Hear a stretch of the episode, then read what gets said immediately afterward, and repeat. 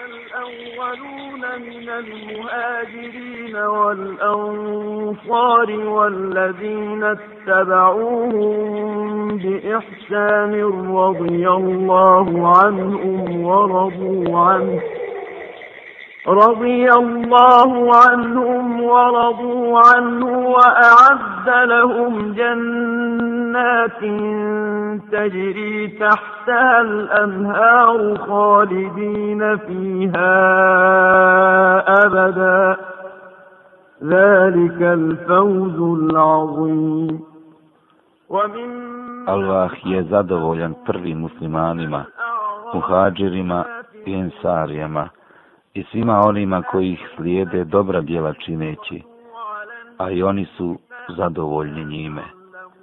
Za njih je on pripremio dženevske bašče kroz koje će rijeke teći i oni će vječno i zauvijek u njima boraviti. To je veliki uspjeh.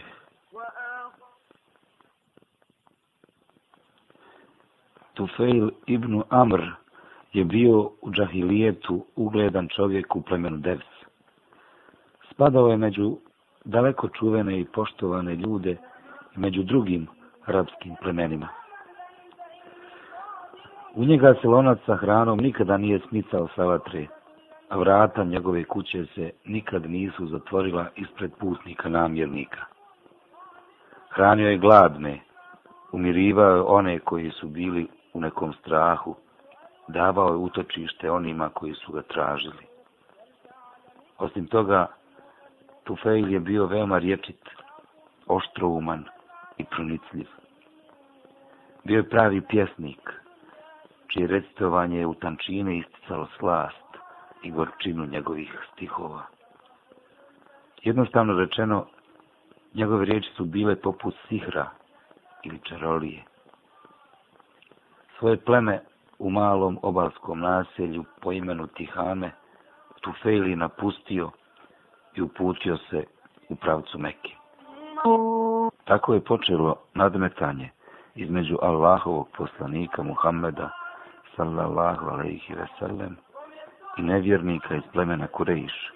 I jedna i druga strana je nastojala da za sebe pridobije svakog novog pomagača i tako dobije podršku za svoje ciljeve. Allahov poslanik sallallahu alaihi ve sellem je pozivao u vjeru u svoga gospodara – a oružje mu bijaše iman i hak. Kurejšije su se borili protiv njegove misije služeći se svim mogućim sredstvima i oružjima. Tako se tu fejl iznenada nađe u središtu ove borbe, potpuno nespreman i bez imalo želje i namjere. On nije došao u Meku s tim ciljem, a o sukobu između Muhammeda i Kurejšija dotada nije ništa ni čuo.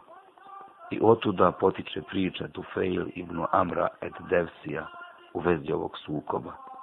Priča koja se ne može zaboraviti. Pa da čujemo tu vrlo neobičnu priču. Došao sam u Meku i samo što su me vidjeli uglednici iz plemena Kurejiš, odmah mi priđoše, veoma se srdačno sa mnom pozdraviše i tako gostoprimljivo me kod sebe primiše i smjestiše. Onda se kod mene sakupiše najstariji i najugledniji iz njihovog plemena, te mi rekoše, o tu fejle, došao si u naš kraj, pa znaš da ovdje ima čovjek koji za sebe tvrdi da je poslanik i koji unio razdor i mržnju u naše redove i naše porodice. Bojimo se da se s tobom i tvojim ugledom kod tvog plemena ne dogodi to što se dogodilo s nama. Nipošto ne razgovaraj s tim čovjekom i ne slušaj ga ako bi on tebi htio šta reći. Njegove riječi su poput čarolije, rastavljaju sina od oca, brata od brata i ženu od muža. Dalje priča Tufejl. Tako mi Allaha, neprestano su mi pričali o čudnim stvarima u vezi tog čovjeka, upozoravajući me na opasnosti i po mene i po moj narod od njegovih dijela, da sam čvrsto odlučio da se nikako ne primaknem tom čovjeku, a kamoli da mu se obratim, ili da ga šta poslušam. A kada sam ujutro poranio mešćit da obavim obilazak oko Keabe, te da potražim blagoslov od idola koje smo hodočastili i veličali, natrpao sam uši pamuka bojeći se da do mog sluha ne dopre nešto od Muhammedovog govora. Ali dok sam ušao u mešćit, vidio sam ga kako mirno stojeći obavlja namaz, drugčiji od našeg namaza, kako se klanja na način na koji se mi nismo klanjali. Stajao sam kao opčinjen tim što sam vidio, zadivljen njegovim ibadetom i skrušenošću, te poče polako, sve malo pomalo, bez ikakve namjere i potpuno nesvjesno da mu se primičem, dok ne dođu sasvim blizu njega. Tako do mene ipak dopriješe neke riječi koje je on izgovarao. Te čuh neki nepoznat, ali lijep govor. Tada rekoh sam sebi. Ja da ne bio tu fejle, pa ti si pismeni razuman čovjek. A pa valjda znaš razlučiti lijepo od ružnog, što da ne poslušaš šta taj čovjek govori. Ako to bude nešto lijepo, prihvatit ćeš to. A ako bude ružno, to ćeš odbaciti. Tako ostadoh sve dok Allahov poslanik ne ode svoje kući, te ja krenuh za njim. Pa kada on uđe u kuću, i ja uđoh iza njega. Onda rekoh, o Muhammede, tvoji su narodnjaci mi o tebi rekuše to i to, te mu sve ispriča. I tako mi Boga toliko su me zastrašili s tobom i tvojom misijom, da sam uši začepio pamukom kako ne bih od tebe ništa čuo. Ali Allah je dao te sam ipak nešto čuo od tvojih riječi i to mi se dopalo. Pa daj i izloži mi i ispričaj šta imaš on mi sve o sebi ispriča i objasni svoj zadatak. Prouči mi suru i hlas i felek i Allaha mi nikad ništa ljepše nisam čuo, niti sam vidio pravednije stvari od njegove misije. Tada mu pružih svoju ruku, posvjedočih da nema drugog Boga osim Allaha, a da je Muhammed Allahov poslanik. poslanik. Tako uđoh u vjeru islamu a u Mekki provedah određeno vrijeme učeći u propisima Islama, pamteći ono što sam uspio iz Kur'ana, a kada se odlučih na povratak u svoj narod, rekoh, O Allahov poslaniče, ja sam čovjek koji se poštiva u svojoj porodici, pa ja odoh da i njih pozovem u Islam pa moli Allaha da mi da neki dokaz koji bi mi pomogao u tom mom pozivanju. Allahu poslanik reče, Allahu, učini mu neki dokaz koji će mu pomoći u onom što on naumi. Dalje priča Tufail. Otišao sam u svoje pleme i kada sam bio na nekom uzvišenju iznad njihovih kuća, ispred mojih očiju zasvijetli neko jako svjetlo, poput svjetiljke. Ja rekoh, o Allahu, učini da ovo svjetlo ne bude na mom licu, jer se bojim da će kazati kako je ovo kazna koja je obilježila moje lice zbog napuštanja njihove vjere. Tada se ono svjetlo preseli na van moga bića, te ljudi počeše promatrati tu svjetlost koja bijaše okačena poput nekog kandilja, dok sam se ja spustio sa brda u dolinu. Kada stigoh kući, prvo mi dođe moj otac, koji bijaše starac u podmaklim godinama života, te mu rekoh, pježi od mene oče, niti sam ja tvoj, niti si ti moj. A zašto sine? Zato jer sam ja primio islam i slijedim vjeru Muhameda, sallallahu alaihi ve sellem, o sine, pa moja vjera će biti kao tvoja, reče mi otac. Idi onda pa se okupaj i očisti svoju odjeću, te dođi da te poučim onom što sam naučio. Moj otac ode pa se okupa očisti svoju odjeću, dođe mi da mu izložih vjeru islam i on je primi i postane musliman. Onda dođe moja žena te i njoj rekoh, pježi od mene, niti sam ja tvoj muž, niti si ti moja žena. A zašto tako ti i oca i majke? Upita me ona. Rastavio nas je islam. Postao sam musliman, i slijedi Muhammeda sallallahu alaihi ve sellem. Pa moja vjera će biti kao i tvoja, reče ona poput mog oca. Idi onda i operi se vodi ziš šera, rekoh joj. A ziš šera bijaše jedan od idola plemena devs, ko kojeg je tekla voda koja je doticala sa obližnjeg brda. Tako ti i oca i majke, zar se ne bojiš da će mi ziš šera nešto nauditi? Upita me žena sa strahom u očima. Teško li se tebi i tom idolu, povikah. Rekoh ti da ideš i da se okupaš tamo daleko od sviju, a ja ti garantujem da ti taj kameni idol neće ništa učiniti. Ona odete se očisti i okupa. A kada dođe, ja joj izloži sve osnovno vjeri islamu, te i ona prihvati novu vjeru i posta musliman. Onda poče svo pleme Deus pozivati u islam, ali se oni slabo odazvaše, osim Ebu Hureyre, koji prvi prihvati vjeru islam. Kada sam ponovo otišao u Meku, otišao sam Allahovom poslaniku, a sa mnom je bio Ebu Hureyre. Muhammed sallallahu alaihi ve sellem mi reče Šta ima kod tebe o tu fejle? Ja rekoh Srca moga naroda na kojima su prepreke i zastori pa su i dalje u žestokom nevjerstvu. Pleme devs se predalo griješenju i neposlušnosti Allahu poslanik sallallahu alaihi ve sellem ustade, uzme abdest i klanja. Pa podiže ruke prema nebesima.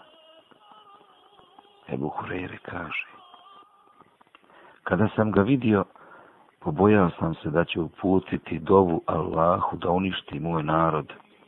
Pa rekoh, jadno moje selo, ali Allahu poslanik sallallahu alejhi ve sellem poče učiti. O Allahu, uputi plemen devs na pravi put. O Allahu, uputi devs. O Allahu, uputi ih. Onda se okrenu tu fejl, pa reče vrati se svom narodu, budi blag prema njima i poziva ih u islam. Dalje kaže Tufail, proveo sam u plemenu Devs pozivajući svoj narod u islam, dok je za to vrijeme Allahov poslanik, sallallahu alaihi veselem, učinio hijđru u Medinu, a zatim je prošao Bedr, Uhud i Hendek. Onda sam otišao vjerovjesniku, a sa mnom je bilo 80 porodica iz plemena Devs, koje bijah iskreno prihvatile islam. Te to veoma obradova vjerovjesnika. Čak nam je svima dao i udio od plijena iz bitke na Hajberu. Rekao smo mu, o Allahu poslaniče, postavi nas na desnu stranu muslimanske vojske u svakoj sljedećoj bitci koju budeš vodio i dozvoli da naša lozinka bude nebruž. Dalje kaže Tufejl.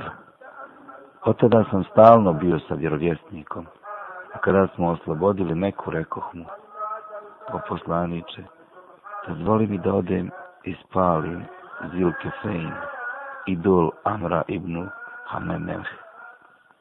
Nakon što mu je to Allahu poslanik dozvolio, on je sa grupom svojih saplemenika otišao i kada je došao da to kipa i počeo da ga pali, oko njih su se sakupile žene, djeca, ljudi, gledajući kakva će ga kazna dostići zbog uznemiravanja njihova božanstva. Najmanje što su očekivali bio je grom koji će ga pogoditi. Ali Tufel je bez ikakvog straha i dileme zapalio tog idola ismijavajući ga istovremeno stihovima punim omalovažavanja. Kako je idol dogorjevao, s njim su dogorjevali i posljednji ostaci širka plemena Deves. Tako sav tu fejlov narod primi islam i postadoše iskreni vjernici. Tufel se nije odvajao od Allahovog poslanika, sve dok ga Allah nije pozvao u svoje društvo.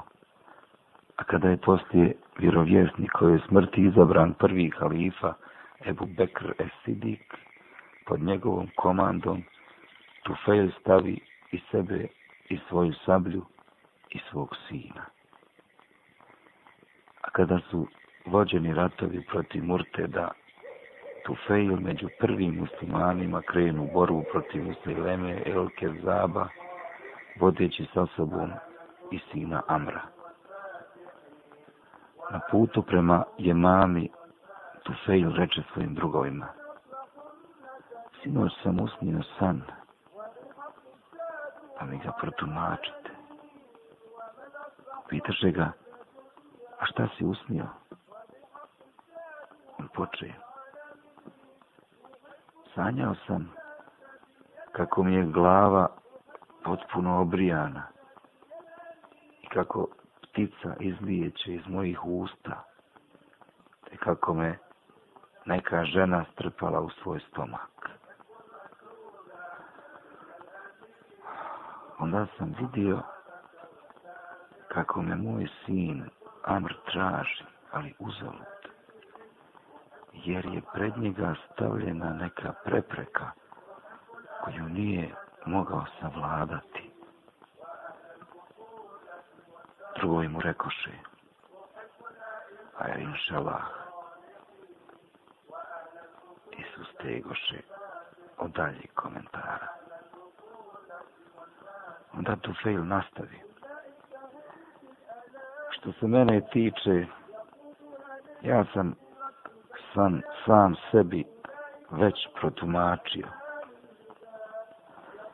što se tiče brijanja glave, to znači da će biti osjećena ona ptica što izlazi iz mojih usta. To je moja duša. A ona žena što me je sakrila u svoj stomak. To je zemlja u koju ću biti ukupan. Nadam se da ću poginuti kao šehid. Što se tiče mog sina koji traga za mnom, on će težiti za šehadetom. Što ću ja uspjeti uz Allahovu dozvolu, ali on će to postići nekom drugom prilikom. A u samoj bici na jemami, ugledni sahabija, drug vjerovjesnikov, Tufail ibn Amr et Devsi, je pokazao veliku junaštvo, sve dok nije pao kao šehid na poprištu te za muslimane presudne bitke. Tufailov sin Amr, ugledajući se na oca, neprestano se borio sve dok ga rane i umor nisu savladali i ostavši bez desne šake. Tako se on vratio u Medinu nakon bitke, ostavljajući na poprištu je mame, oca i ruku. Kasnije, u vrijeme vladavine i halife Omera ibnul Hataba, dok su se kod njega nalazili gosti u zijaretu, među njih uđe Tufejlov sin Amr. Kada donesoše hranu, halifa pozva prisutne da jedu, a Amr se odmače u stranu, izbjegavajući da s njim jede. Halifa Omer, neka je Allah zadovoljan njime, mu reče. Šta je s tobom? Da se ne stibiš zbog svoje odsječene ruke? Da, vladaru pravovjernih, odgovori Amr. Omer na to doda. Tako mi, Allaha, ja neću probati ovo hrane sve dok je prvi ti ne promiješaš svojom otječenom rukom. Pa od nas nema ni jedan da je neki njegov dio tijela već u džennetu, osim ti. Završi Omer, misleći na njegovu u borbi osječenu šaku od rastanka sa ocem, Amr ibn Tufail je stalno priželjkivao šehadet. Tako dođe bitka na Jermuku, velika i strašna bitka između muslimana i vizantinaca i kojoj se među prvima nalazio i Amr. Hrabro se borio i napadao sve dok nije dostigao šehadet, pogibiju koju je priželjkivao kao i njegov otac pa neka se uzvišeni Allah smiluje Tufejlu ibn Amru ed Devsiju, jer je on šehid i otac šehida, neka je Allah zadovoljan njime.